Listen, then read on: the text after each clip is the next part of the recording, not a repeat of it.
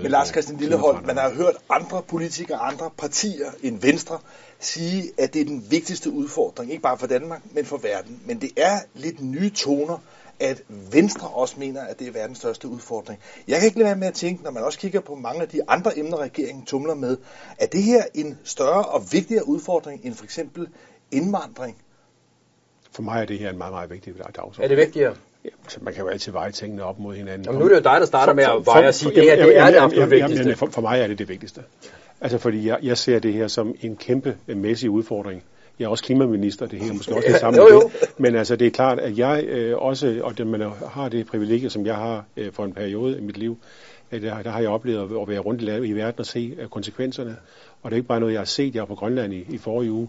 Det er også noget, man, når man lytter til eksperterne, og man skal i den her sammenhæng også lytte til nogle af dem, der ved noget om det her.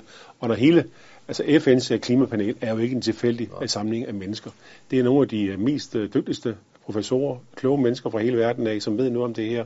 De har kigget på millioner af artikler og tusindvis af udtalelser. Og de siger, det er det vigtigste. Og de, de siger, det er det vigtigste. Og det her, det handler fundamentalt om, hvordan redder vi kloden?